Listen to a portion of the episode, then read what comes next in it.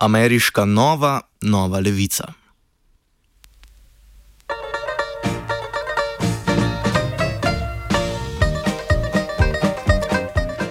V Združenih državah Amerike se danes z glasovanjem v novi skupini zvezdnih držav nadaljuje boj za izbiro strankarskih kandidatov za predsedniške volitve, ki bodo potekale novembra.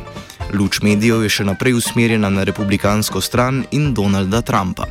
Manj pozornosti je deležna demokratska tekma.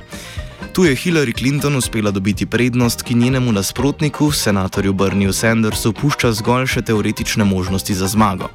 Njegova največja težava je, da mu ni uspelo nagovoriti afroameričanov, ki v veliki večini podpirajo nekdanjo prvo damo.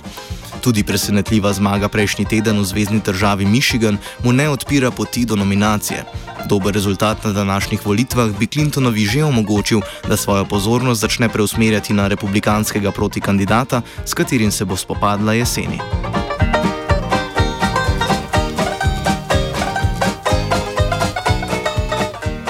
Dogajanje v zadnjih dveh tednih je dober pokazatelj moči in nemoči Sandersove politične mini revolucije. Čeprav se demokratska stranka tudi po Sandersovi zaslugi očitno premika v levo, se še ne bo spremenila v socialdemokratsko stranko skandinavskega tipa, kot bi si želel senator iz Vermonta.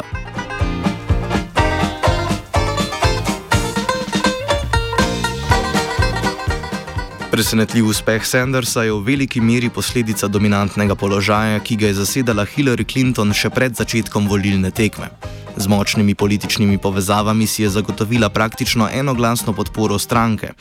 Komite stranke, ki se z medijskimi hišami dogovarja za televizijska soočenja in organizira konvencijo, na kateri je imenovan predsedniški kandidat stranke, nikoli ni pretirano skrival podpore družini Clinton. Politična mašinerija, ki sta jo v zadnjih dveh desetletjih ustvarila zakonca Clinton, je na njeno stran pridobila tudi praktično vse velike donatorje. Rezultat tega je, da se za kandidaturo ni odločil noben resnično močan protikandidat. Zaradi neuravnoteženega razmerja moči se je za politični pokoj s težkim srcem odločil zelo priljubljeni podpredsednik Joe Biden.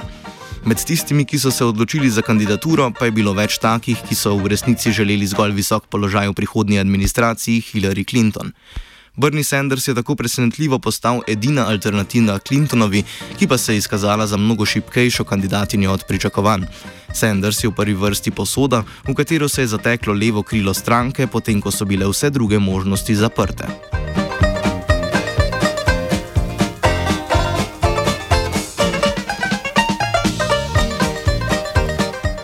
V širšem smislu mejo Sandersovim uspehom postavlja struktura demokratske stranke.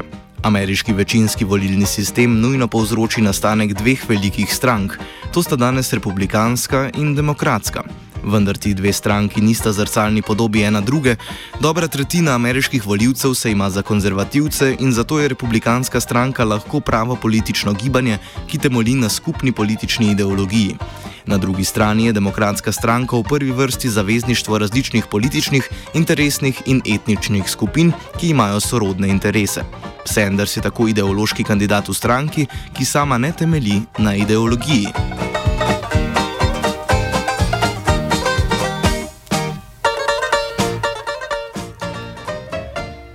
Natančno to se kaže v nizki podpori, ki jo Sanders uživa med temnopoltimi. Eden izmed razlogov za to nizko podporo je, da čeprav je Sanders redko neposredno kritiziral Baracka Obamo, Sandersova kritika sistema nujno implicira tudi kritiko predsednika, ki je med temnopoltimi američani izredno priljubljen.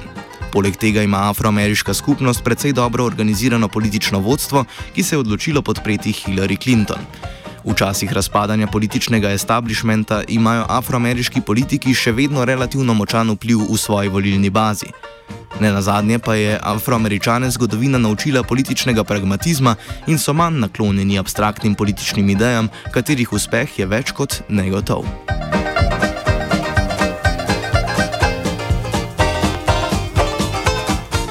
Kljub temu, da ima minimalne možnosti za demokratsko predsedniško kandidaturo, pa je Bernie Sanders dosegel uspehe, ki ne bodo ostali brez posledic.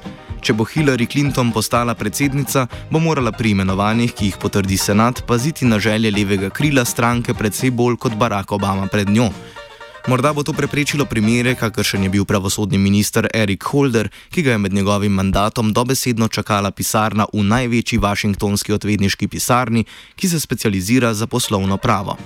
Sandersova kampanja pa je dokazala tudi, da je mogoče financirati resno predsedniško kampanjo iz majhnih donacij, ne da bi se zanašal na velike donacije in netransparentne politične komiteje. Pravi dosežek njegove kampanje pa bo morda ne njegova kandidatura, ampak kandidatura nekega bolj spretnega političnega naslednika. Komentiral je Gal.